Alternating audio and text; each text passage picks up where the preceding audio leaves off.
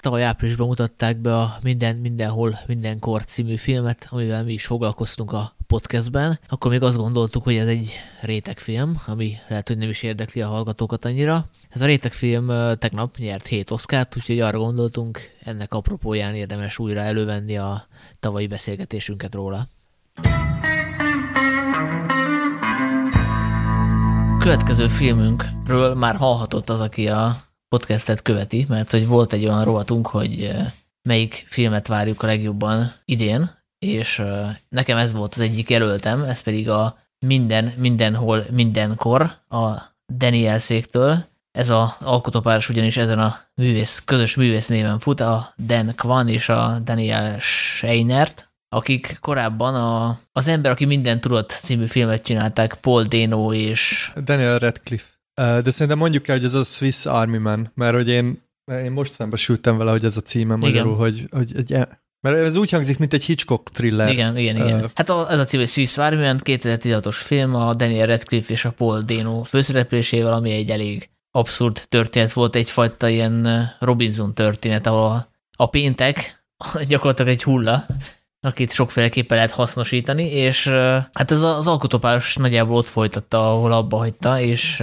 ez az a film, aminek a híre szerintem azért megelőzte a bemutatóját, egyébként látható a magyar moziban is április 21-e óta, és hát én abban a szerencsés helyzetben vagyok, hogy annyit tudtam róla, hogy ez egy multiverzumos film, és igazából semmi más, tehát nem néztem meg az előzetesét sem, és nekem ez így volt egy egészen kellemes élmény, és picit sajnálom azokat, akik mondjuk úgy ülnek be erre a filmre, hogy, hogy láttak mindent az előzetesből, vagy meghallgatják a Filmvilág podcastot. Igen, tehát ezt, ezt mondani is akartam, hogy aki nagyon kíváncsi erre a filmre, az nézze meg a moziban, és aztán, aztán tekerjen ide vissza, mert hogy erről tényleg nehéz úgy beszélni, hogy ne lőjön le az ember poénokat, mert hogy igazából itt minden, minden egyes ilyen őrült, őrült dolog az akkor hatásos, hogyha a moziban szembesül vele az ember, és ezt a mozi élményt nem úgy értem, hogy elmész a moziba, és ott vagytok hárman, hanem nem tudom, legalább van egy félház. Tehát, hogy az kell ahhoz, hogy lásd, hogy a többi ember hogy hogy döbben meg azokon a dolgokon, amik történnek a vásznon. Én megdöbbentem? Hát ö, igen, nekem valószínűleg ezért Nekem ez nagyon hatalmas élmény volt, szóval nem csak ebből titkot. Nagyon ritkán van ilyen, ilyen mozi élményem, és pont a közönség miatt. Én egyébként azt sem tudtam róla, hogy multiverzumos film, tehát hogy én tényleg semmit, és én elmentem egy olyan vetítésre, ami egy ilyen egyszeri IMAX vetítés volt a premier előtti napon, és rájöttem, hogy igazából ilyen vetítésekre kell járni, hogyha aki megteheti, vagy aki tudja, hogy vannak ilyenek, mert hogy ezekre mennek el a legfanatikusabb fanatikusabb nézők, és ezen a vetítésen konkrétan volt egy tucatnyi taps és bekiabálások és nagy rögések, ami, ami elképesztően sokat hozzátett a mozélményhez meg magához a filmélményhez. Úgyhogy tényleg minden, mindenki, aki tudja, az, hogy teheti, az menjen és Igen. nézze meg. Senki ne hallgasson minket. Csak ha, meg, csak ha már megnézte a filmet.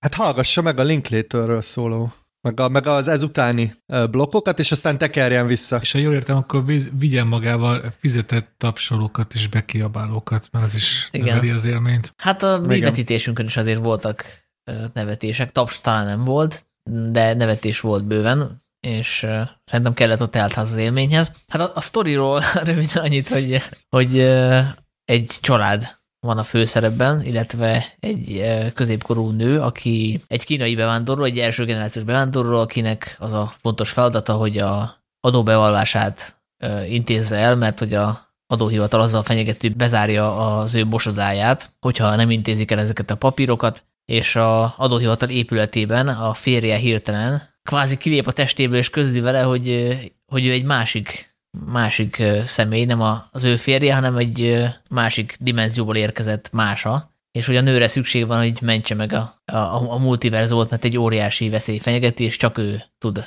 segíteni. Sem tudom, e, ezen, ezen túl kell még mondani bármit is? Igen, Sanyi, én itt uh, mosolyogva hallgattam, mert hogyha tényleg ezt megpróbáld elmesélni valakinek, hogy miről szól ez a film, akkor uh, hát ja, tehát elég, elég nehéz fába vágod a fejszédet. Ez az egyik dolog, a másik dolog meg, hogy szerintem ez, ez majd, hogy nem lényegtelen. Tehát az, tényleg annyi a lényeg, hogy itt uh, multiverzum van, különböző világokból csúsznak össze személyiségek, és uh, ez lehetőséget ad a rendező párosnak, hogy tényleg így szabadjára engedje a, a kreativitását. Nem csak a rendező párosnak, a, a, az összes résztvevőnek, aki ebbe a filmbe dolgozott, mert hogy itt a, szerintem itt a ruháktól kezdve a, a vágáson át az operatőri munkáig mind, minden ilyen elképesztően izgalmas és, és ötletes. Úgyhogy ez tényleg egy ilyen burjánzás, tehát ez ilyen ötletburjánzás, szerintem azt lehetne talán egy, egy mondatban összefoglalni a filmet. Nyilván hasonlóságokat föl lehet hozni, ugye a multiverzum koncepcióját a Marvel hozta be egy pár éve, de, de azt hiszem ez a filmötlet már régebbi, meg hát nyilván a képregényekben is benne volt a multiverzum, illetve a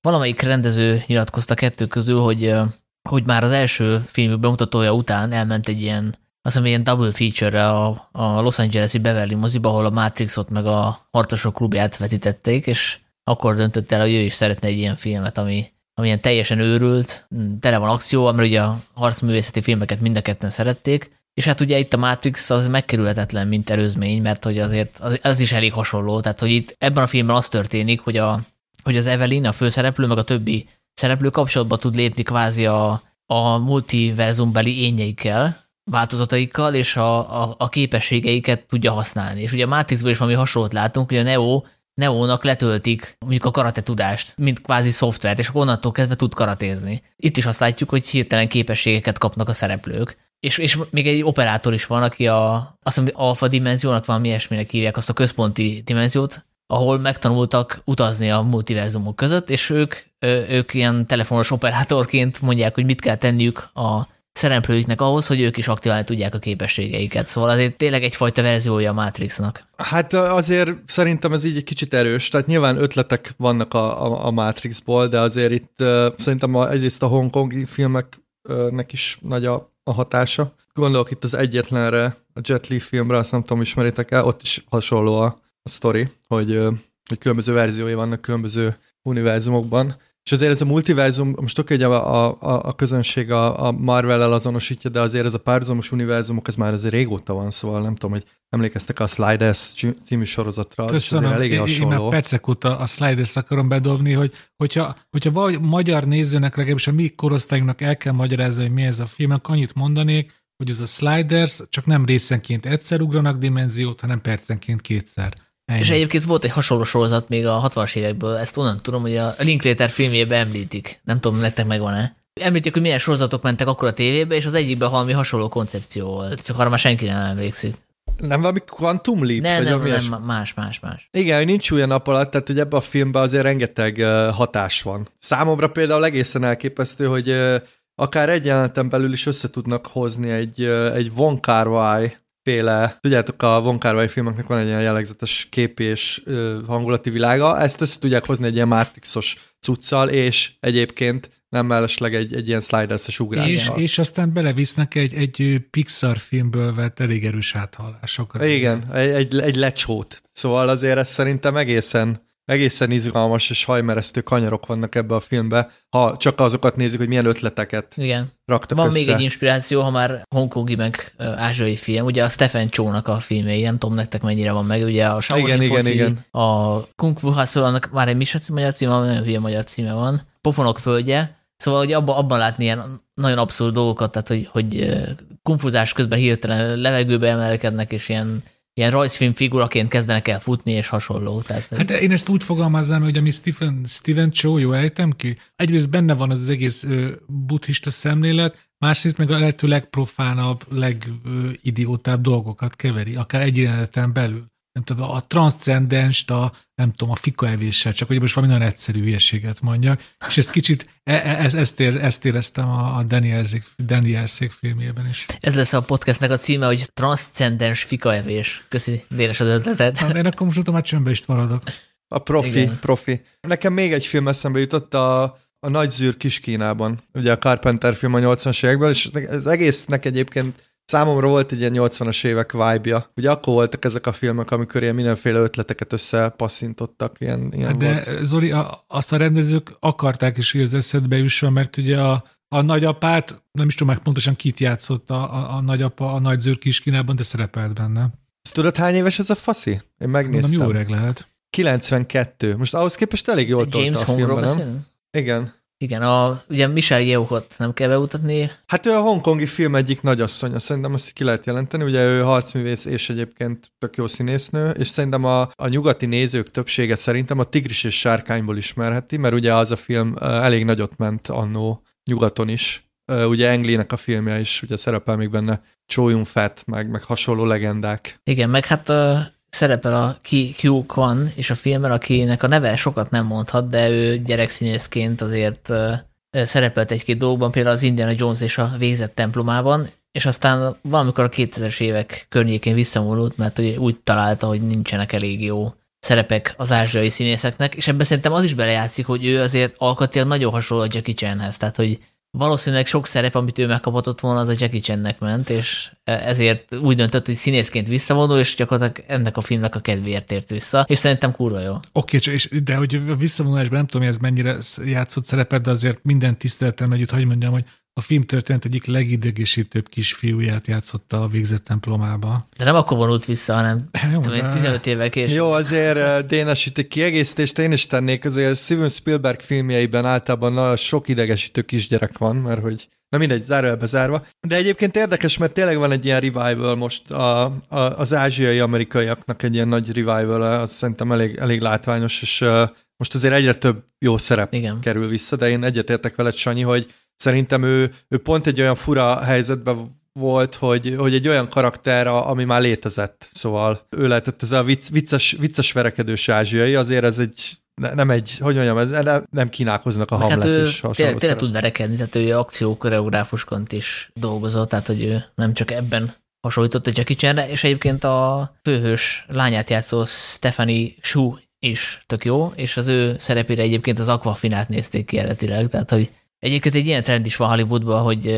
hogy van, van egy-két színész, aki belővi magának a bizonyos típusú karaktereket, és így mindig őt hívják, és most ez az Aquafina csak pont nem ért rá, de szerintem a helyettese is tök hát jó. szerintem szerencsére, mert én nagyon bírtam ezt a csajt. Így gondolkoztam, milyen lett volna Aquafinával, hogy Aquafinának van egy ilyen, nem is tudom, egy ilyen eszköztára, ami lehet, hogy működött volna, vagy miért ne, de, de én örültem, hogy, hogy végül ez, ez a lány, ez szerintem tök izgi volt. Igen, és a Jimmy Lee Curtis is szerepel a filmben, amire én hát nem jöttem rá a film közben. Én árultam el a Sanyinak. Nem már, hát ez tök, tök vicces volt. Tök vicces volt, persze, annyira elveszett a szerepbe, hogy föl se tűnt. Hát meg azért szóval el, el, elcsúfították szegényt a, a filmben. Hát azért neki nincsen ilyen pocakja. És igen, ezt akartam, hogy kapott konkrétan ez egy ilyen kis párnát, vagy nem tudom, mit kapott ott a blúzza alá. De egyébként ott, ott azért tényleg elég szegény adó, hogy mondják ezeket, ilyen adó, adó ellenőr. Adó ellenőr, akit szerintem most kaptak egyet a nem tudom, Zoli, látod hogy milyen új poszterem van a falon? Igen, azt a, a, amikor az elején beszéltél róla, akartam mondani, hogy jé, ott van egy poszter. Igen, a filmnek a poszter ott van, amit a premier előtti vetítésen osztogattak. Sajnos egyébként, mert így, hogy most gyakorlatilag fél Budapestnek van, így már nem akkora érték, de persze azért örülök neki, így viccen kívül. És ebből az is kiderül, hogy nekem ez a film bejött, annak ellenére, hogy picit a, a végét azt így túlhúzatnak éreztem, tehát hogy ez egy, nem egy 140 perces film ideális esetben, hamarabb le kellett volna zárni, viszont Dénes, te sokkal kedvezőtlebből nyilatkoztál vetítés után, úgyhogy most légy szíves fejtsd ki, hogy mi nem tetszett ebben a filmben neked. Hát én azzal kezdeném, hogy ugye én is kaptam posztert a Premier vetítésen, és Zoli, amikor legközelebb hazajössz, akkor odaadom neked, mert te Ó, köszönöm szépen. a filmet, mint én. Hát, hogy mi nem tetszett benne, én nyilvánvalóan kezdetben imádtam ezt a stílusát, tényleg, hogy így konkrétan bemutat a Marvel filmeknek, hogy lehet ilyen, ilyen kézműves módon is csinálni ezt a multiverzumot, és hogy, ahogy ti mondtátok, hogy azt éreztem, hogy milyen fantasztikus, hogy itt bármi megtörténhet, hogy tényleg így szabadon szárnyal a fantázia, és aztán nekem ez egy idő múlva már átcsapott abba ez a sűrű ötlet zuhatag, mint hogyha az összes ilyen hirtelen jött ötletüket így belepakolták. Szóval ne, nem volt egy szűrő, hogy és valójában tényleg vicces az ötlet, vagy csak nekünk így egymás közt erőhétselve volt, és igazából az a filmben azért nem illik, Szerintem te mindent belepakoltak, ettől túl sűrű lett, néha már nekem túluntúl is bárgyú egyes részleteiben, és, és szerintem nagy baj egy ilyen film, ami tényleg arra megy rá, hogy, hogy tempó, hogy mindig meglep valamivel, minél nagyobb őrültségeket mutat, a gyors vágás, ilyen börnös, börnféle verekedések, aztán skifi, aztán családi dráma, aztán megint ez a vonal csak még ültebben. Ehhez képest számomra a legemlékezetesebb jelenet ebben a filmben az, amikor végre megáll a tempó, és két kő elkezd beszélgetni, és csak a feliratot látom, csak azt hiszem, ha, végre akkor most már én is megnyugodhatok, csak a film is megnyugodott egy két percre, és akkor tök jó volt bámulni ezt a két kőt, ahogy éppen Hát kb. így megfejtették a világot, ha jól emlékszem. És arra nem gondoltál, hogy abban, hogy ilyen sok eltérő minőség van benne, az, az egyfajta meta kommentárja az egész multiverzum koncepciónak, meg hát az egész filmnek az a címe, hogy minden, mindenhol, mindenkor, tehát hogy erről szól az egész, hogy összeeresztünk nagyon eltérő minőségeket, és hogy hogy drámát, komédiát, komoly dolgokat, komolytalan dolgokat, szóval hogy ez igazából illik a filmhez, a, film témájához ez a fajta stílus. Hát figyelj, ezzel most nem tudok veled vitatkozni, ha annyian ez volt a rendező koncepció, akkor hajrá, csak hogy engem ez nézőként egy idő után fárasztott. Én tovább megyek, mert egyébként most én könnyű helyzetben vagyok, mert én írtam erről a filmről egy kritikát, és elég sokat agyaltam rajta, mert hogy szerintem ez a film megérdemli, hogy, hogy így komolyan foglalkozunk És hol fog megjelenni ez a kritikad, Zoli? Hát képzeld el, hogy a, a filmvilág májusi számában, amit az adás után nem sokkal Na, már pörgessük már újságárosoknál. Pörgessük az adást. És nagyon ajánlom, hogy vegyétek meg a filmvilágot, mert sok jó írás van benne.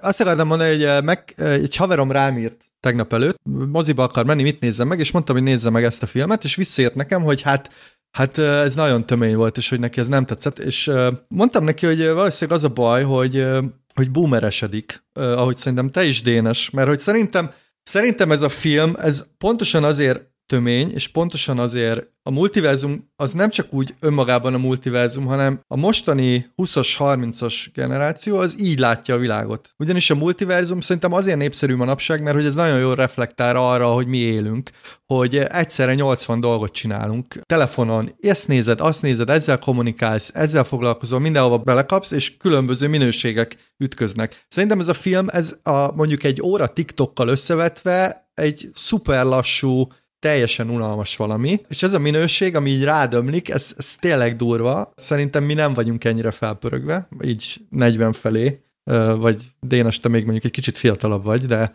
de szerintem ez a film nagyon jól reflektál arra, hogy milyen, milyen ma mozgóképet fogyasztani, vagy, vagy egyáltalán tartalmat, és ezt tök jól összetudja egy, egy izgalmas családi drámával vetíteni, és egyébként én egyetértek veled, Sanyi, hogy én a végét már egy kicsit túl nyújtottnak éreztem, meg egy kicsit túl uh, nyálasnak talán, vagy nem is tudom, túl érzelmesnek, viszont úgy voltam vele, hogy e, ebbe a filmbe még ez is belefér, tehát hogy itt még a túlzás is rendben van, mert hogy ez az egész film arra épül, hogy itt minden el van túlozva egy picit, és minden túl van húzva. Igen, hogy annyira szeretem a filmet, hogy a hibáit is elnézem, mert ismerem ezt az érverést. Igen, igen, igen, szóval ez nem csak az érvelés, hanem egyszerűen ez, ez, ez a film ez tök jól visszatükrözi azt, hogy milyen ma tényleg akár, akár egy órát eltölteni az internet. Hát, bocsánat, csak, csak erre hagy reagáljak, hogy ez nagyon fontos, hogy, hogy milyen tiktokozni egy órán keresztül. Ez egy 140 perces film, amit egy óriás vásznon néztem a harmadik sorból, ezért is sokkal intenzívebb élmény, mert egy telefont, egy telefont én Persze, bármikor, ezzel... most éppen a telefonomat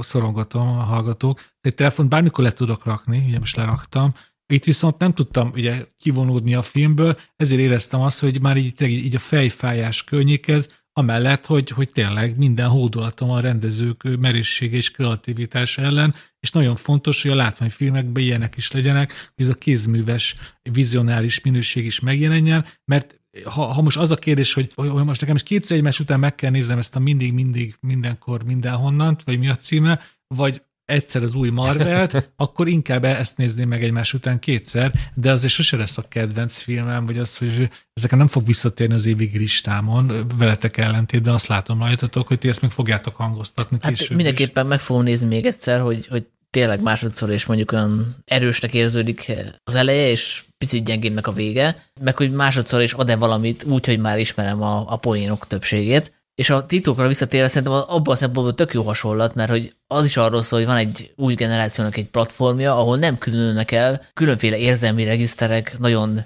markánsra egymástól. Tehát adott egy TikToker, aki ilyen táncos, zenés videókat készít, és egyszer csak megjelennek a feedjen ilyen háborús bunkerekben rögzített videók, mert hogy közben ő egy ukrán influencer, és megtámadják Ukrajnát az oroszok, és, és folytatja a tudósítást, de közben ugyanolyan stílusban, ugyanolyan zenékre, csak éppen már nem a, nem tudom, a plázában táncol, hanem a, a, a bunkerben. Tehát, hogy nála ez organikusan összekeverik ez a két minőség, amiről azt gondolnánk, hogy nem, nem lehet összebékíteni. És tényleg ez nagyon fura film, és, és szerintem ez a, a Daniel Szétnek a, a védjegye gyakorlatilag, mert hogy itt eltérő minőségeket vegyítenek, és nem úgy, ahogy mondjuk eddig láttuk a filmekben, hogy mondjuk mondjuk egy tragikomédiában, ahol van tragédia, meg komédia. Tehát hogy ezt, ezt már megszoktuk, hogy ezt a kettőt össze lehet vegyíteni, és azt is megszoktuk, hogy vannak olyan koreai horrorfilmek, amik hirtelen átmennek egy, egy-egy jelenet erejéig vígjátékba. De hogy ezeknek igazából koherens szabályok vannak, és a néző ezt meg tudja szokni, hogy oké, okay, ez most egy olyan horrorfilm, amiben egy-egy jelenet erejéig átvegyünk vígjátékba. Tehát, hogy ennek van egy szabálya. És, és a, a Danielszék ezt, ezt sokkal avantgárda módon csinálják, tehát hogy ők teljesen elviszik a szélsőségek ezt a, ezt a fajta infantilizmust, hogy tényleg nagyon drámai dolgokat vegyítenek komolytalan dolgokkal. Ez fajta ilyen, ilyen pangesztus, ami szerintem sokakat elidegenít. Tehát hogy ők azt csinálják, hogy mondjuk van ez a poén, ez a lecsós poén, amit most nem lők le, ami egy ilyen villanásig lehet, hogy vicces, de ők ezt kitartják hosszú ideig, és, és ezzel, ezzel szerintem egy nagyon ügyes kontrasztot csinálnak, hogy ellentétes minőségeket vegyítenek, és ez azt mondják, hogy igazából ezt a sztorit nem szabad komolyan venni. De közben meg az érzelmi, érzelmi mag nagyon is komoly, tehát hogy, és ezzel nagyon zavarba hozzák a nézőt, mert, mert a néző nem tud orientálódni, akkor most, én ezt most mennyire vegyem komolyan? De hogy erről szól a filmnek a, az egyik része, amikor azt mondja a, az Evelynnek a lánya, hogy igazából már, már a nihilizmus választja, mert hogy annyi fajta inger ér, hogy nem tudja, hogy mit csináljon, mert hogy, tehát ez, ez is reflektál igazából ez a, ez a fajta minőség ötvözés a, a filmnek a témájára. Szerintem is, de ez nagyon fontos, amit mondasz, mert hogy a, nem, csak, nem csak, hogy különböző regisztereket mer mixelni, hanem egészen alpári humort is be, bemer hozni, egyébként nagyon komoly és nagyon mély témákhoz, de nekem ez nagyon szimpatikus. Szerintem itt arról van szó, hogy a, ez a fajta, értitek, van egy olyan jelenet, hogy az egyik harc közben valaki beleugrik seggel egy dildóba, Na bocsánat, most ez spoiler volt, de hogy, de hogy ezek, ezek szerintem egészen merész, és tényleg az avantgárd felé mutató dolgok, mert ezek teljesen lefegyverzik a nézőt. Szerintem itt, itt arról van szó, hogy hogy ez a fajta merészség, meg, meg kreativitás, ez nagyon töményen megkapod, és nem tudod már egyszerűen tényleg, hogy mire számíts, és ezáltal ilyen nyitottabb, sokkal nyitottabb leszel. Szerintem egyébként a filmnek a, ugye ez a film nagyon nagyot megy így a, hát így nem is tudom, a bizonyos közösségekben, például a Letterboxdon elképesztően magasan van értékelve. Nem tudom, hogy így van, de pár hete ez minden idők legmagasabb átlagosztályzatú filmje volt a Letterboxdon, ahol tényleg hogy mondjam, egy, egy, egy kifinomultabb ízlésű tömeg szavaz, mint mondjuk az IMDb-n. Igen, igen, és hogy én olvasgattam, a, hogy, hogy tényleg miket írtak, és ez nagyon visszatérő motivum a, a reviewerek között, hogy hogy, hogy tényleg ilyen lefe, lefegyverezte őket a film. Tehát ugye mi is nagyon sok filmet nézünk, különböző sémák beindulnak a fejünkben, általában azért el tudod helyezni a filmet, nagyjából tudod, hogy mik fognak történni, még akkor is, hogyha különböző, különböző műfajok keverednek, meg különböző hangulatok, itt viszont olyan szinten öntöttek rád valamit, hogy, hogy én, én legalábbis teljesen, teljesen ilyen nyitottan tudtam ezt nézni. Ez, ez engem arra emlékeztet, mint amikor még, még sokkal fiatalabb voltam, és még nem láttam annyi filmet, és sokkal nyitottabban tudtam nézni a filmeket. Ugye ez most nyilván nagyon szubjektív, a befogadótól függ, de érdekes módon velem pont az ellentetjét érte el ez a film, hogy ez, ez, a, ez, a, ez a sűrű ötlet zuhatag, amit így rám ömlött több mint két órán keresztül, ez végsősorban engem nem nyitott át, tehát nem lefegyverzett az új, és befogadóvá tett az új élmények irányába, hanem letompított, és végsősorban érzéketlenné tett. Így elzárt. Konkrétan már éreztem, hogy nekem jobb lenne most már utóbb becsukni a szemem, már fáj kicsit a fejem. Én ezért érzem visszásnak ezt a filmet, mert amiket így elemzői szempontból elmondtok, hogy TikTok 2020, mennyire 2022 a film, mennyire átadja a 20-as, 20, a 20 éves generációnak ezt a teljesen hektikus világképét, ezzel én egyetértek, csak hogy egy, én egy másik generációban ez a film arra ösztönöz, hogy elzárkózzak ezzel elől, mert annyira sűrű, hogy egyszer már nem akarom többé befogadni. Szóval értitek, hogy én melyik irányból közelítek, hogy például nem értem, hogy van ez a hoddug, mondtad, hogy, hogy minden poént elhúz. Ez is szerintem nem lehet minden szabályt megsérteni egy filmbe, valamilyen szabályokhoz azért kell magunkhoz kötnünk, és ha egyszerűen egy poén gyenge, mint az a, az a, az a hoddugújas univerzum, akkor azt elég egyszer megmutatni, és nem kell hatszor is szerintem hogyha egy ilyen, ilyen kis teljesen gyakorlati példával jöjjek, mert akkor ezt azt fogom mondani, hogy e, elég, én ezt nem akarom. Jó, hát abban egyetértünk, hogy lehetett volna fezesebbre vágni ezt a filmet. Én azt mondtam is, hogy picit túl hosszú, tehát hogy eh, el tudnék kézben egy 90-100 eh, perces verziót is.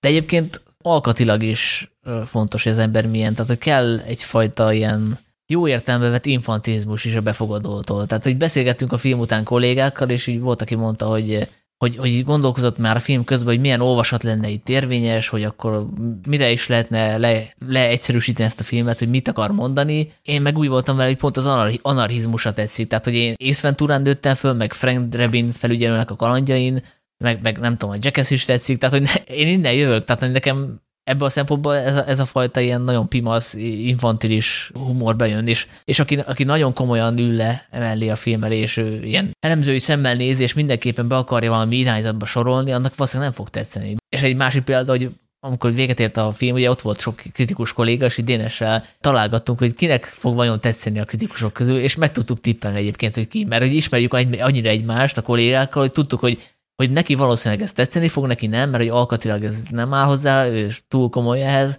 Tehát, hogy ez is benne van, hogy igen, ez a film nem fog mindenkinek tetszeni, de ezzel semmi probléma nincsen. Két megjegyzés, ezt már ugye egy korábbi podcasten megbeszéltük, az én is eléggé észventúrán nőttem fel, mégis azért teljesen más ö, véleményem van erről a filmről. Másik pedig, hogy ha ez a film tényleg az anarchiáról szólt volna, akkor, nem csak arról. Mert hogy arról, tényleg erről a, a fékten szabadságról, akkor lehet, hogy nekem jobb véleményem lenne, mert még szerintem arról az ívről nem beszéltünk, ami szerintem azért kicsit csodás kettő, hogy, hogy indul egy nagyon minimalista, ö, ilyen Darden testvérek itt családi drámából, hogy tényleg ott vagyunk a, a kisebbségi családdal, és a jaj, nem tudjuk befizetni a számlát, mi lesz? Hát ez tényleg egyébként Darden testvérek, nyilván más módon bemutatva, de ez egy Darden testvéreki dráma. Ebből megyünk tényleg, hogy a cím is mutatja, a mindenbe, a mindenkorba, mindenhová. Egy, egy, egy, egy, egyre, és egy görbét rajzolok éppen, a felfelé tartó görbét rajzolok éppen, ami viszont a vége fele megint elkezd lezáródni, egy ilyen szögetszerű,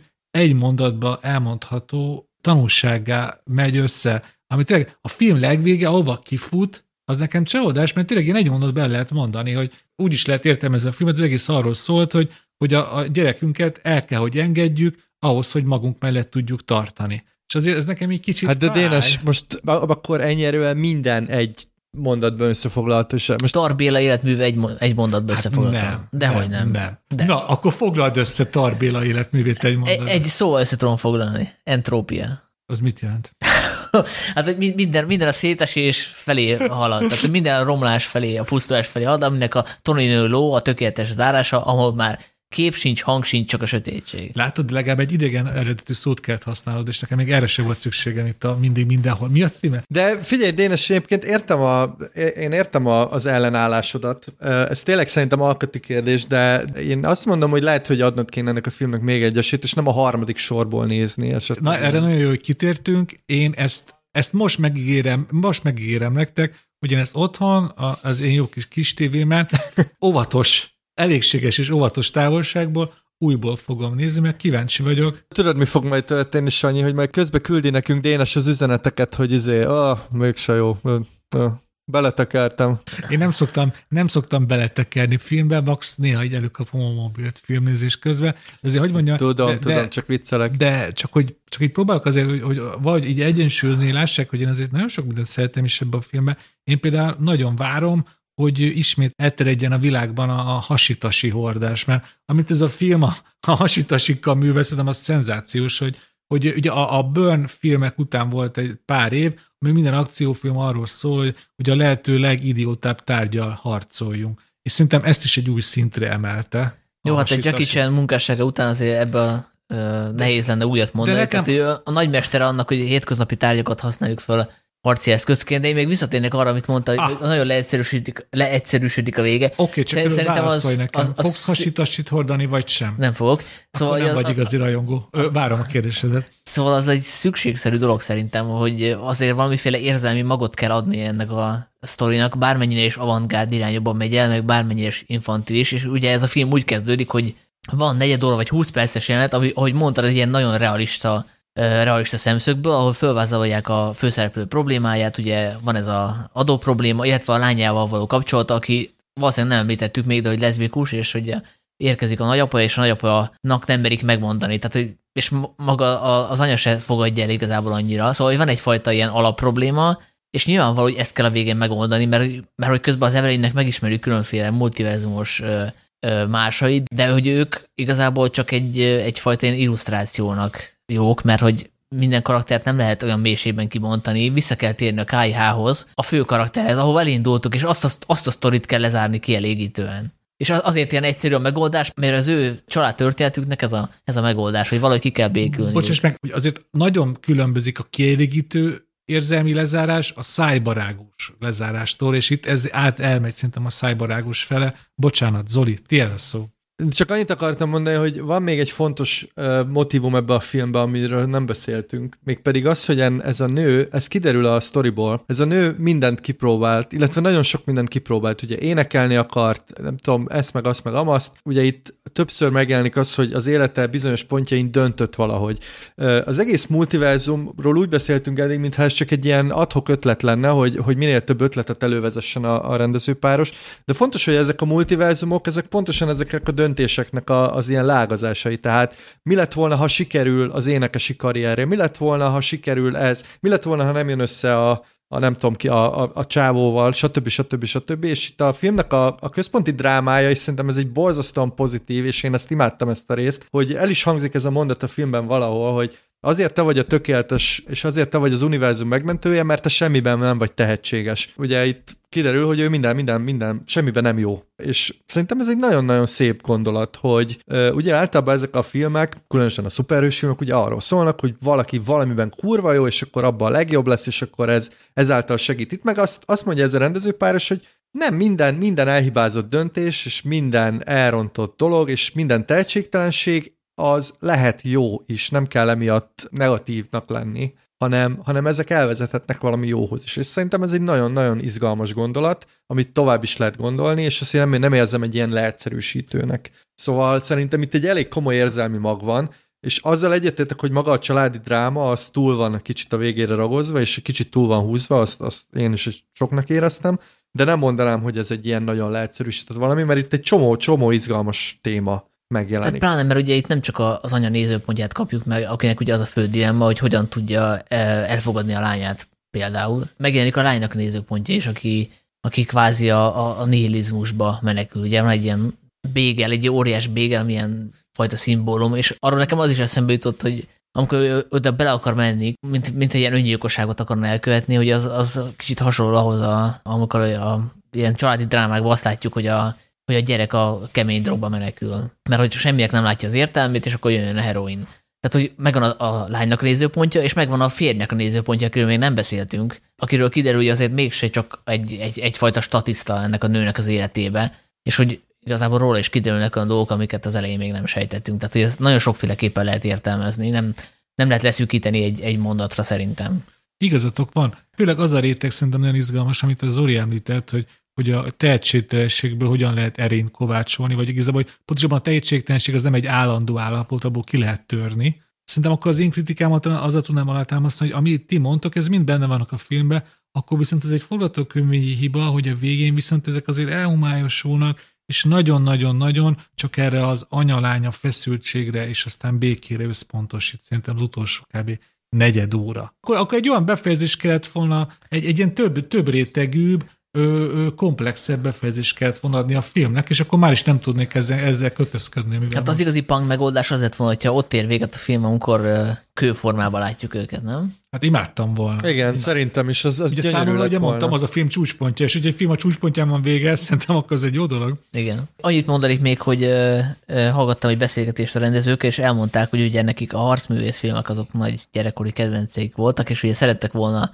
készíteni egy olyan filmet, amiben hát verekednek az emberek, viszont ők igazából pacifisták, tehát hogy, hogy ez fajta ilyen skizofrén helyzet volt, hogy nem akartak olyan filmet csinálni, ami azt sugalja, hogy az erőszak a megoldás, és erre találtak egy nagyon jó megoldást a film fináliában. Hogy... Azt a, ezt akartam még mondani, az szerintem egy eh, filmtörténeti zsenialitás. De ezt a point most ne lőjük, hát nagyon sok mindent lelőttünk, de ezt hagyjuk ki. Azt hagyjuk meg, de tényleg, de, de az egész Marvel univerzumnak, az összes akciófilmnek egy ilyen tényleg egy ilyen középsúlyos odamutatás. Nagyon-nagyon szerettem azt a jelenetet. Hogy nem csak úgy lehet elintézni a dolgokat, ahogy ti ezt, ez nekem nagyon tetszett. Végszó? Én tudok egyet, de előtte van nektek van még. Hát szerintem akkor mondjátok ti, jó, hogyha pozitívan zárul ez. hát én csak annyit szeretnék, hogyha valakit érdekel a film, az mindenképp nézze meg, de hogyha akar egy kis bemelegítést, hogy belekóstoljon a rendezők stílusába, akkor nézze meg a Swiss Army Ment, ugye a filmet, amiről már megemlékeztem a azt a nagyon fura Robinson Cruise-os történetet, mert hogy igazából az is hasonlóképpen épül föl, tehát ott is két minőség találkozik, egy nagyon infantilis humor, ami ami így ilyen nagyon szentimentális végkifejletbe csúcsosodik be, és szerintem tök szórakoztató ez a két nagyon eltérő minőség találkozása. Ugye ez a film úgy híresült el, hogy a Fingó hullás film, na most ehhez képest az a film szerintem meglepően megható. Most viccen kívül, szóval ott tényleg a, szerintem az egyik megmeghatóbb film a barátságról. De szerintem aki, aki mondjuk három percben akar ismerkedni a, a Daniel Szik életművével. Van, van egy pár nagyon szuper kisfilmük és videoklipjük, főleg az egyik videoklip DJ... Hooker? DJ Snake, Turn Down for What. Ez egy 2014-es videoklip, É, biztos látta, aki szokott videoklipeket nézni, mert ez annó nagyot futott. Szerintem abból így kaphat egy kis ízelítőt, hogy, hogy mi, mit csinálnak ezek a Daniels.